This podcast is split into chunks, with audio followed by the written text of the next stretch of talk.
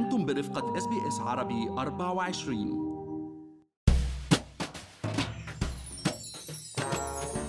دليلك لكسب وادخار واستثمار المال في أستراليا.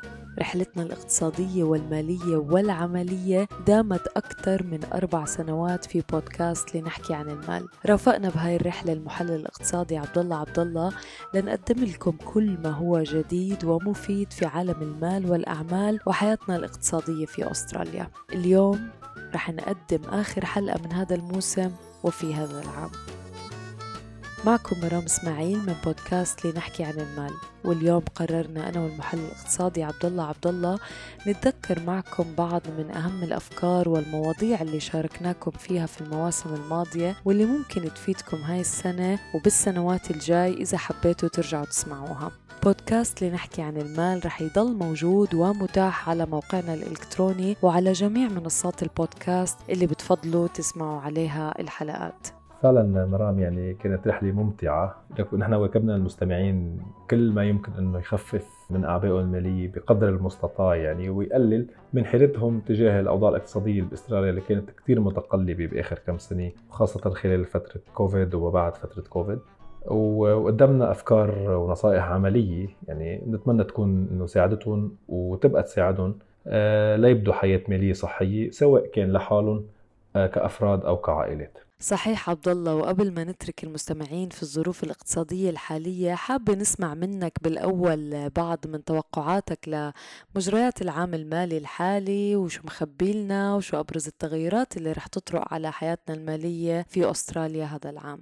يعني 2023 مرام إذا بدنا نشوفها من نظرة اقتصادية يعني يعني macro بنشوفها أن هي استمرار ل 2022 من ناحية مشكلتين. آه، مشكلة التضخم يلي عم بيسود آه، اجمالا آه، الاقتصادات العالمية معظمها بسبب يعني أمور حكينا عنها بالبودكاست يعني متعلقة أو هي من نتائج كانت كوفيد. والسياسة النقدية يلي عم بتتبعوها المصارف المركزية وأهمهم كمان المصرف المركزي الأسترالي ال RBA يلي لمكافحة التضخم عم بيضطر يزيد أسعار الفوائد وهذا الشيء عم بيضغط زيادة للأسف على جيبتنا كمواطنين خاصة الناس يلي عندهم mortgage أو حتى الناس اللي ما عندهم mortgage هذا الشيء كمان بينعكس بطريقة غير مباشرة على سعر الإيجارات واللي عم نشوفها بالمدن الكبرى عم ترتفع بشكل كثير كبير. ويعني وهذا كان من أحد الأسباب هي أسعار الفوائد. بقى في اليوم ضغط مالي آه، على جيبتنا على على ميزانيتنا كعائلات وكأسر بأستراليا. آه، مثلنا مثل كثير ناس آه، بمعظم خلينا نقول الدول الصناعية أو الدول ذات الاقتصادات المتقدمة.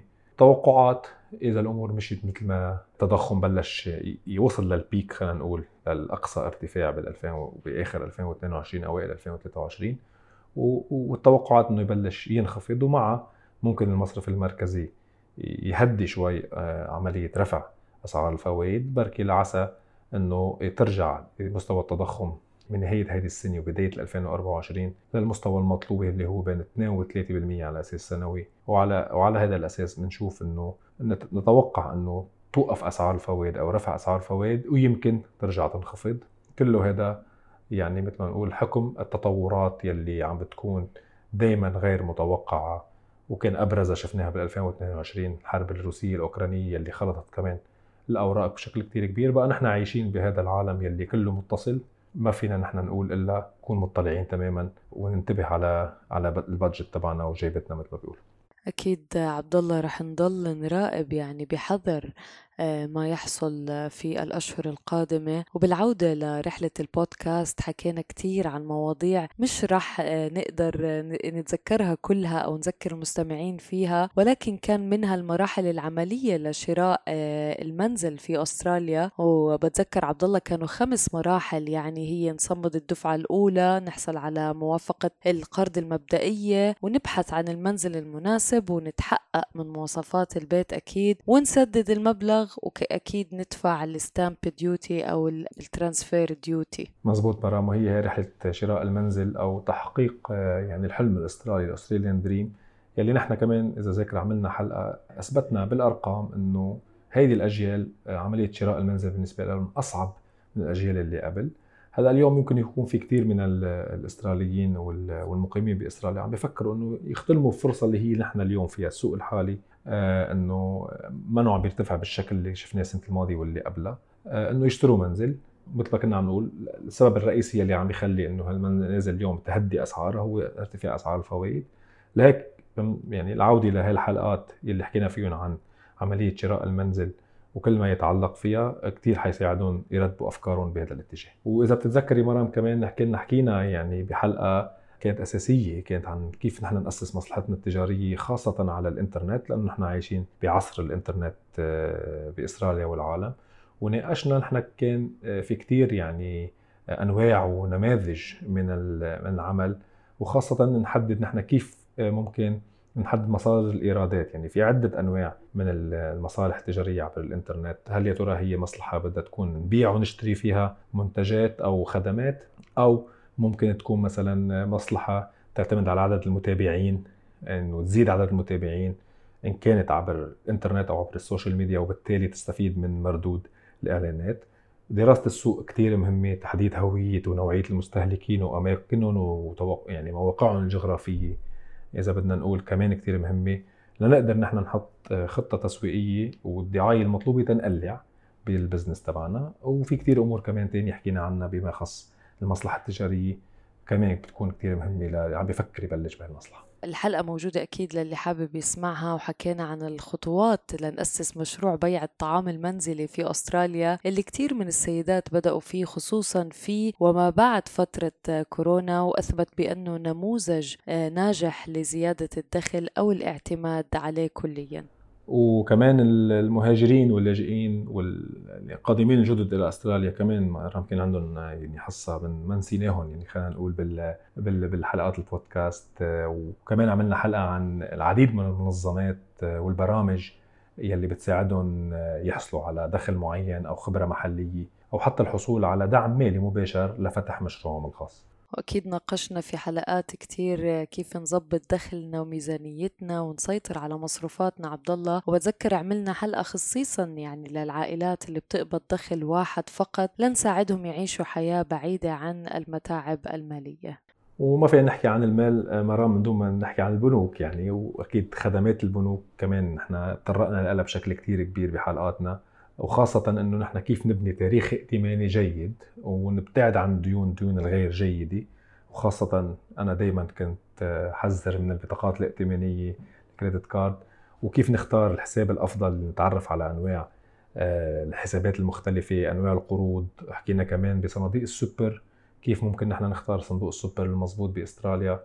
وإذا ذاكره كمان آه، مرام حكينا عن حلقة خاصة عن طريقه عمل البنوك الإسلامية آه، مقارنة بالبنوك الاستراليه التقليدية. صحيح عبد الله وكمان قدمت لنا نصائح لنتعافى من الوقوع في أزمات مالية مدمرة في أستراليا. بحلقة وبحلقة تانية سلطنا الضوء على العنف المالي للشريك والخدمات المتاحة للنساء للخروج من الأزمات المالية في أستراليا. وساعدتنا كمان يعني نعرف أفكار جديدة لنتخلص من أغراضنا غير المرغوب فيها وكيف ممكن نجني المال بعد إنفاقه من المحلات التجارية اللي اشترينا الأغراض منها. وما بقدر انسى مرام أكيد يعني في حلقات آه، صار فيها كتير تفاعل آه، من المستمعين ويمكن هي كانت نوعا شوي جريئه الحلقات. قدرنا تخطينا نفسنا فيها وكانت يعني آه، شوي حزينة خلينا نقول. الحلقات كانت عن تكاليف الدفن بأستراليا أو مثلا الحلقة اللي حكينا فيها كمان عن كتابة الوصية وتوزيع التركي كيف ممكن واحد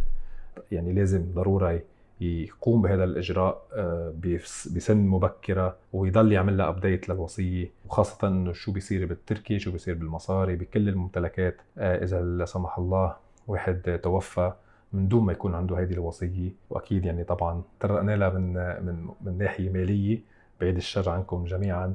ويعطيكم طول العمر. صحيح عبد الله وأكيد واكبنا المستمعين بفترة أو بأزمة كورونا وكل ما يتعلق بالظروف المالية لهاي الفترة وحكينا كثير عن الخدمات الحكومية اللي بيحصل عليها الشباب وكبار السن والنساء. فزي ما قلنا مش رح نقدر نغطي كل المواضيع بهاي الحلقة مواضيع دامت يعني أو استمرت أربع سنوات ولكن بعدها موجودة في أي وقت وفي أي مكان على منصاتنا الإلكترونية. أكيد عبد الله ما بقدر أختم نختم الحلقة إلا ما نسمع يعني نصائحك لنحافظ على مستقبل مالي صحي إلنا ولعائلاتنا بالفترة الجاي لنكون طلعنا من التضخم اللي عم تشهده البلاد.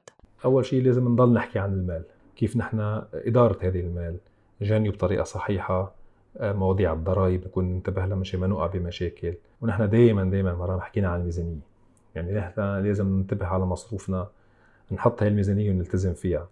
يمكن من أكثر أمور شددنا عليها بالبودكاست هي هذا الموضوع. ونبلش نبني فكر استثماري ولو بشكل بسيط يعني.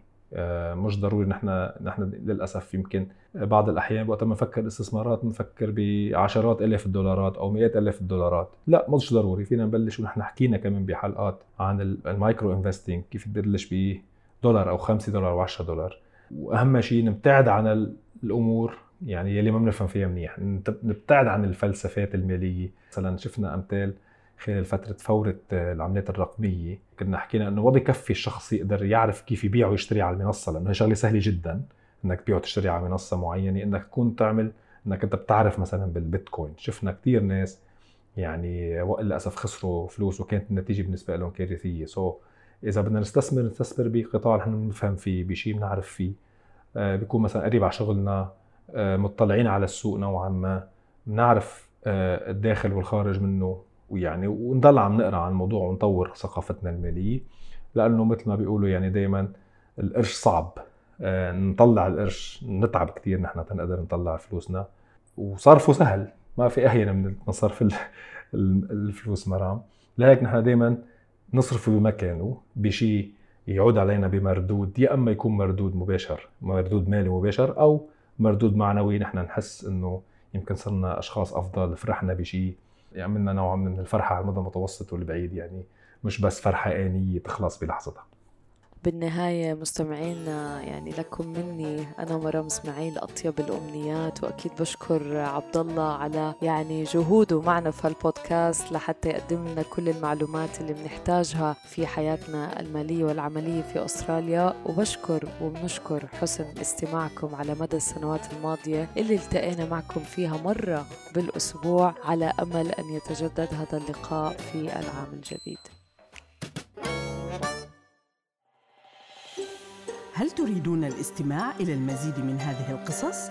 استمعوا من خلال Apple Podcasts، Google Podcasts، Spotify أو من أينما تحصلون على البودكاست